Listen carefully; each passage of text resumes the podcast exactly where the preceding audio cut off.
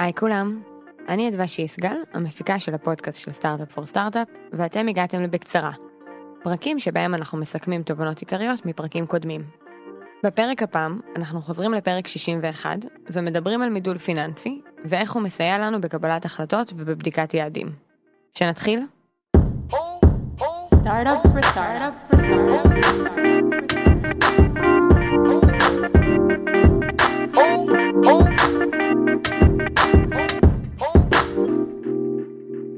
מידול פיננסי, או באנגלית FP&A, היא אחת השיטות המרכזיות שבהן אנחנו משתמשים כדי לבדוק את עצמנו מבחינת עמידה במטרות שהגדרנו לעצמנו, בין אם ברמת החברה, המחלקה או צוות ספציפי.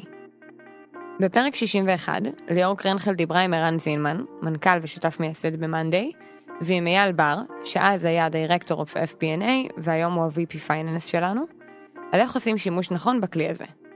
אז לפני שנצלול לעומק, נראה לי שכדאי להתחיל בלהבין מה בדיוק המשמעות של מידול פיננסי. אוקיי, אז FP&A באמת זה קיצור של אה, Financial Planning and Analysis. בעצם אנחנו חלק ממחלקת הפיננסים בחברה, היום אנחנו כבר במחלקה כולה עשרה אנשים. אה, וכחלק מזה התחלנו בעצם אה, לבנות את המודל שלנו ואת התהליכים שיביאו אותנו, נקרא לזה, לעמידה נכונה במטרות שהגדרנו לעצמנו. באמת שהרבה פעמים כשאנשים חושבים על מחלקת פיננסים בחברה, מה שעולה להם בראש זה באמת השוטר הרע. אה, וב-FP&A המטרה היא, בעיניי לפחות, היא אחרת לגמרי, אני חושב ככה אנחנו מסתכלים על זה גם ב-Monday על, על כמעט על כל דבר שאנחנו עושים. אה, הכוונה מבחינתנו היא לעשות enablement בצורה הכי טובה אה, לכל המחלקות בחברה, כשמן הסתם התימוך של זה הוא המספרים שאנחנו מתעסקים איתם, כי בסוף לכל דבר יש איזשהו היקש פיננסי. המטרה לצורך העניין מבחינתנו לקחת מחלקה ולאפשר לה לעשות את ה... אם זה לצורך העניין המטרה שלה לגדול כדי להגיע לצורך העניין ליעד מסוים, זה יכול להיות מחלקת CS וסיילס ויכול להיות גם HR, זה נוגע בכל מחלקה באשר היא. אה, לתת לה בעצם את ה... גם שיקוף של הצד הפיננסי כמו שהוא נראה, כי לא, זה דברים שאנחנו לא מסתכלים עליהם אלא ביום יום כשאנחנו עובדים ועסוקים בדברים שלנו. וגם להראות להם going forward איך אפשר בעצם אה, מבחינת גם בינת התקציב וגם המידול להגיע בצורה טובה יותר ומוכנה יותר אה, אה, לאותה מטרה שמחפשים. אה, סתם ניתן איזושהי דוגמה ככה כדי טיפה להרגיש את זה אם אנחנו בבניית התקציב עכשיו של 20. אחד הדברים שישבתי עם אחד המנהלים פה בחברה זה בעצם אה, הגדרנו איזושהי מטרה. והדבר שעלה מתוך זה זה לא רק לא להקטין את ההוצאה אלא אמרתי לו אנחנו נצטרך בעצם עוד כוח אדם כדי לעמוד בזה. וזה מבחינתי הדבר שהוא אולי הדוגמה הכי טובה אנחנו לא באים כאן לעשות איזושהי בקרה אלא אנחנו באים לראות האם הדברים שאנחנו מגדירים אותם ובסוף נסגר לנו לאותו תקציב מודל באמת יאפשרו לנו להגיע למטרה הזאת. טוב, אייל הזכיר את המודל, אז, אז נראה לי אולי נתחיל ממנו, כי אה, בגדול זה משהו שאנחנו עושים בערך מההתחלה של החברה, ומאז שנכנסנו למעין אה, growth stage, אה, 2015-2016, אה, זה היה לנו ברור שאנחנו צריכים למדל איך תיראה השנה הבאה. אה, אנחנו בעצם נמצאים בחברת SaaS, אז יש לנו subscription, יש לנו מנויים, וזה הופך את כל המשימה למאוד מורכבת. כי מצד אחד אתה לוקח בחשבון שתוסיף אה, אנשים חדשים, חברות חדשות בעצם במקרה שלנו, משלמות. משלמות. מצד שני יש לך את כל האוכלוסייה שכבר משלמת, איך היא תתנהג. האם uh, תהיה עזיבה, האם uh, חלק מהחשבונות יגדילו את השימוש ויגדילו את ההכנסות שמייצרות לחברה. איך אתה ממדל את כל זה. ובעצם uh, היום אייל הוא ממדל את כל הדבר הזה שזה סופר מורכב, זה המון המון קבצי אקסל וצריך להיות בחשבון המון המון דברים. Uh, אבל זה משהו מאוד חשוב, זה בעצם מנחה את כל החברה לאורך השנה. אה, מה צריך שיעמוד ביעדים, מה אנחנו צריכים לעשות, וזה עוזר לנו לעשות tracking ממש ברמה חודשית, לראות אה, שאנחנו עומדים ביעדים שהצבנו לעצמנו, או לא. אוקיי, אבל למה כל כך חשוב לנו להשקיע בזה? איך השקעה במידול פיננסי תורמת לנו?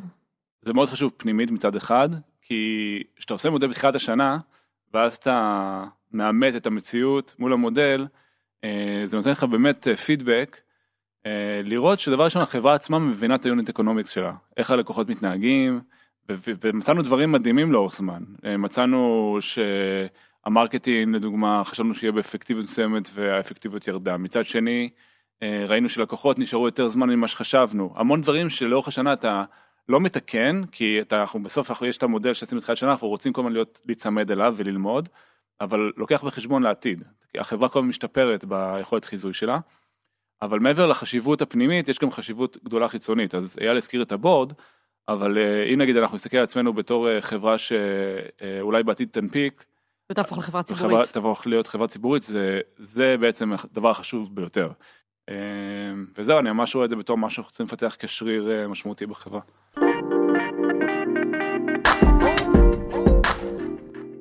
אם ניקח את מה שדיברנו לפרקטיקה, איך עושים את זה בפועל?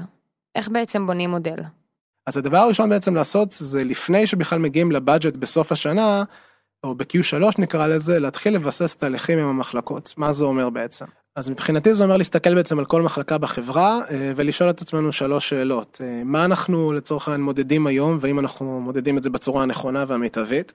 מה אנחנו לא מודדים היום וכדאי מאוד שנתחיל למדוד כי זה משהו שייתן לנו הרבה יותר ויזיביליות וייתן לנו איזשהו נקרא לזה דרך ברורה יותר להמשך לאיך להגיע לנקודה X.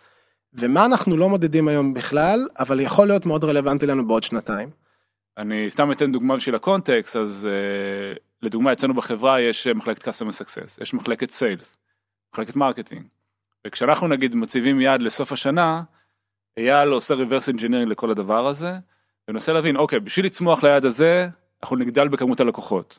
אנחנו נצטרך אולי עוד אנשים ב-customer success, צריך לגייס אנשים ב-sales, איזה קצב, מה, כמה אנשים צריך להביא, מי יעשה להם training. ולכל הרזולוציות האלה שדיברנו על תתי מודלים שבונים את המודל הגדול, אז הם מדלים ממש ברמת כל מחלקה את כל ה-details בשביל לוודא שכל ה... יש, יש, יש בעצם מחלקות שכמות האנשים משפיעה על ה-output שלהם בצורה ישירה כמו customer success ו-sales וכולי, אבל גם בשביל שה-sales יצליחו הם צריכים שה-marketing יתמכו בכמות הלידים וכולי.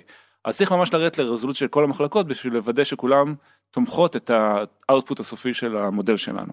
זה בעצם להיפגש איתם ברמה חודשית לפחות, אה, ובפגישה הזאת לייצר איזשהו workflow שעוברים על, על צורך העניין, מה קורה כרגע, איזשהו שיקוף של מה קורה כרגע במחלקה.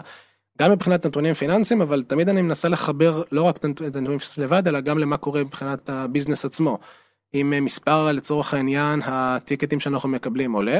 אם אני מסתכל על customer success, אם אני מדבר על נגיד המחלקה שלהם אבל נגיד head count לא עלה מספיק אז אז אוקיי אז מה זה אומר אז זה אומר שלצורך העניין באותה מחלקה יכול להיות שחודשיים מהיום אנחנו יכולים לא להיות בקצב שאנחנו רוצים וכמובן דבר משפיע על דבר.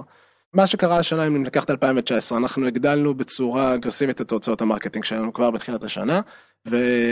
וקיבלנו מבול של פניות מלקוחות. ואנחנו ראינו את זה בצורה מאוד מאוד מהירה ואמרנו אוקיי צריכים אם עשינו את זה שוב לצורך העניין חיזוי של מגייסים איקס כוח אדם לאורך השנה בוא נתחיל להקדים אותו בוא נשים יותר גז עכשיו ולגייס את האנשים האלה מוקדם יותר. ובסופו של דבר זה מאוד מאוד מאוד מאוד עזר לנו. מעבר לשימוש שלנו בכלי הזה כאמצעי שמקל עלינו בקבלת החלטות, יש לו גם חשיבות גדולה ביכולת שלנו לתקשר עם הבורד את המיקום שלנו ביחס ליעדים שלנו ואת התוכניות שלנו קדימה, נכון? כן אז בעצם אני אני שנייה אגזור טיפה אחורה את התהליך תקציב אנחנו מתחילים ב... נקרא לזה באמצע Q3 כבר מה זה תהליך תקציב? כל התהליך של לצורך העניין להתחיל לבנות את הסיפור הזה כי אני גוזר אחורה שבאמצע נובמבר אה, תחילת דצמבר אנחנו כבר עם תקציב סגור אנחנו לא מגיעים לשנה הבאה. לשנה הבאה וכבר עם המודל גם לחמש שנים קדימה. אה, ובעצם הרגע שאנחנו מסיימים אנחנו קובעים עם הבורד שיחות בצורה מסודרת. אה, ועם כל, עם כל, אה, עם כל אחד מהמשקיעים אנחנו עוברים אה, בעצם על כל המודל שלנו אנחנו מראים להם איך אנחנו מה היעדים שלנו מה עשינו שנה שעברה מה אנחנו חוזים גם קדימה. מה הדרייברים לכל אז אתה כל פעם אומר דרייברים, רק תסביר, תן דוגמה לצורך, למה זה אוקיי, אם דרייברים. אני לוקח נגיד היעדים שלנו מורכבים כמו שאמרתי משלושה ערוצים אז בואו נדבר נגיד על המודל של ה-No-Touch של ה-performance marketing איך אנחנו הולכים להגיע מה מה הכסף כמה כמה spend אנחנו הולכים לשים שם ומה ישפיע על אם אנחנו נפגע במטרה או לא אם זה לצורך העניין ה-cost per sign-up או, או אם אנחנו מדברים עכשיו על ה-conversion ממש הדברים האלה נכנסים detail על כל אחד על מה הנחות חלוקה במודל בעצם. כל הנחה והנחה שאנחנו שאנחנו מתייחסים אליה שם ויש שם ספציפית יכול להיות שם גם איזה 20 הנחות ואנחנו ממש נכנסים לכל אחד ועוברים על כל מודל כזה בפ- בפירוט.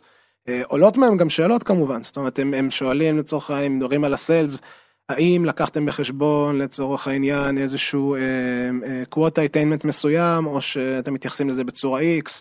האם ה-partners לצורך העניין אתם מסתכלים על כל הפרטנרים אה, כשווה ערך או שפרטנר חדש לוקח לו יותר זמן לעשות onboarding זה כן עוזר גם לנו לקבל מהם פידבקים אה, שגם מעוררים מחשבה וזה זה, זה נהדר לנו וזה גם כן עוזר להם להבין הרבה יותר טוב את, אה, את היעדים שהצבנו לעצמנו ולראות סתם לא לראות סתם איזשהו מספר ולהגיד אוקיי שנה זה 120 שנה שעברה זה x וכולי וכולי. כן, ה-context פה הוא קריטי. כן. אה, בשביל שיהיה שקט במהלך השנה ושיבטחו ביכולת שלנו לנוע קדימה. כן, ואני רוצה גם אה, להסביר עוד במילה על האתגר, כי כשעובדים על מודלים כאלה, מה שאתה עושה, אתה לוקח את העבר וממדל אותו לעתיד.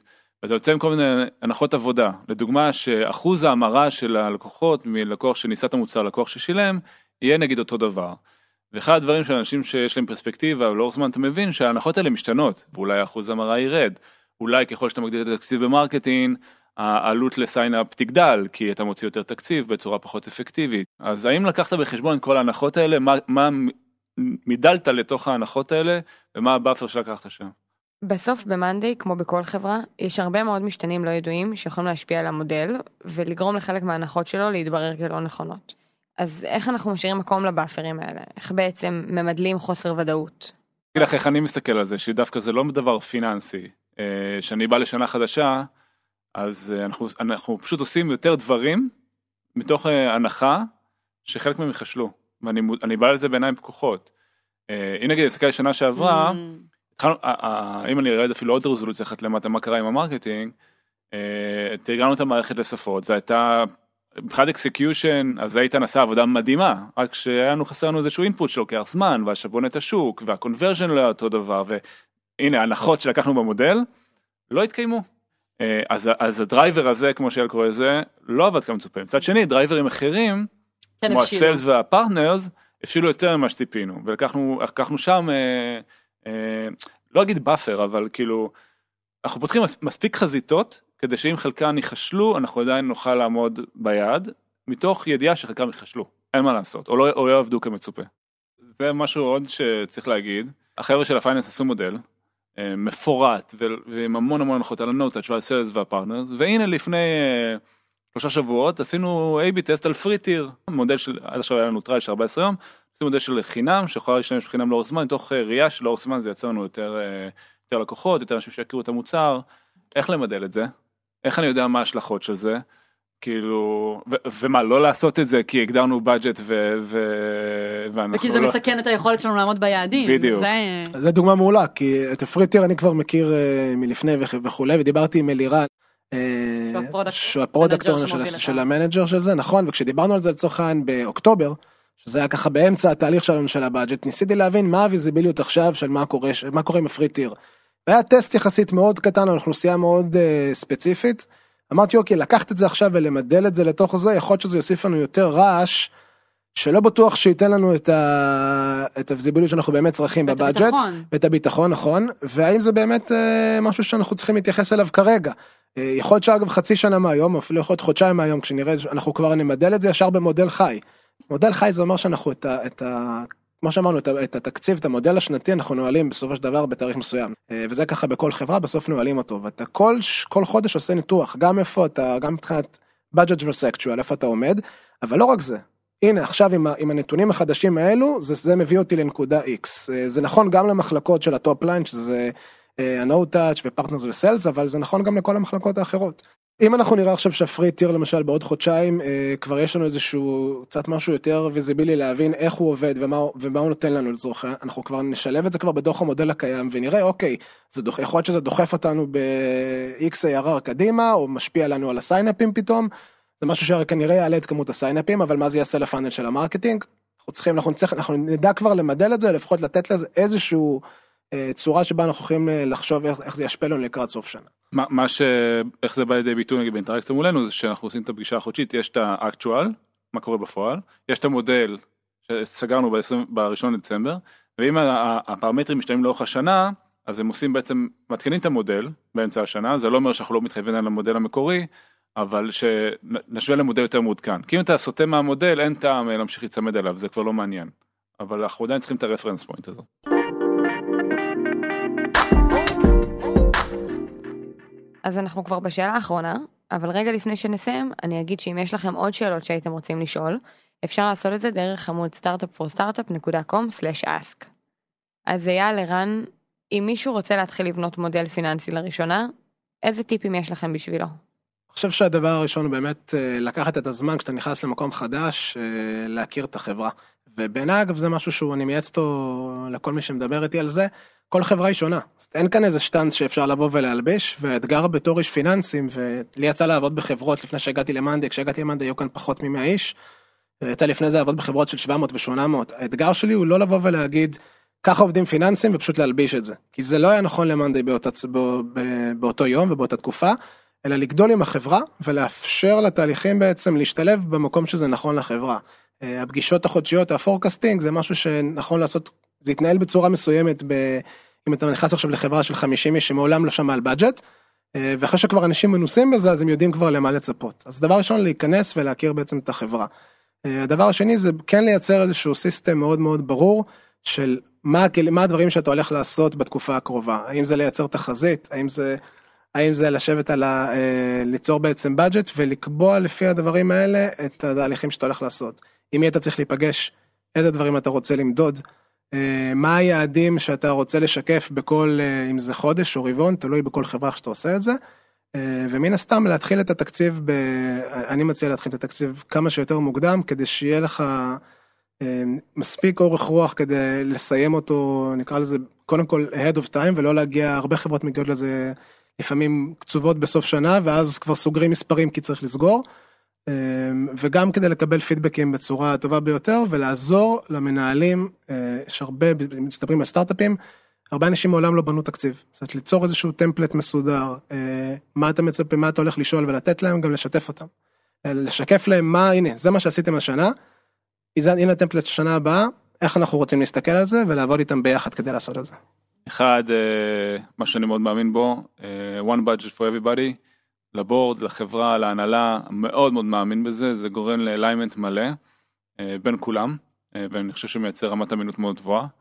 אה, דבר שני, אני חושב שעושים מודל, לפחות אני נפלתי בזה, יש כזה נטייה תמיד להיות over גרנולרי, להיכנס לרזולוציות מטורפות והדברים כל כך וולוטיליים, בסוף זה אמור לשרת אותך, אתה לא אמור לחזות כל ביט ובייט.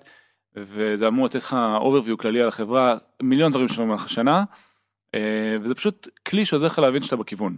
אז לא להפוך את זה להיות דת ולא לנסות למדל כל פרט קטן, אני פשוט נפלתי בזה כמה פעמים בעבר שלי, אה, וזה שיגע אותי, אז אה, הכל טוב, כאילו כל עוד ההנחות הכלליות והממוצעים יוצאים טוב, זה דרך טובה לתכנן בדג'ט. אז סיימנו, ואני רק אזכיר שזה פרק שמביא תובנות עיקריות מפרקים קודמים, ואם אתם רוצים להאזין לפרק 61 המלא, אתם יכולים למצוא אותו באתר שלנו או באפליקציות. תודה רבה שהאזנתם. Startup for startup for startup for startup.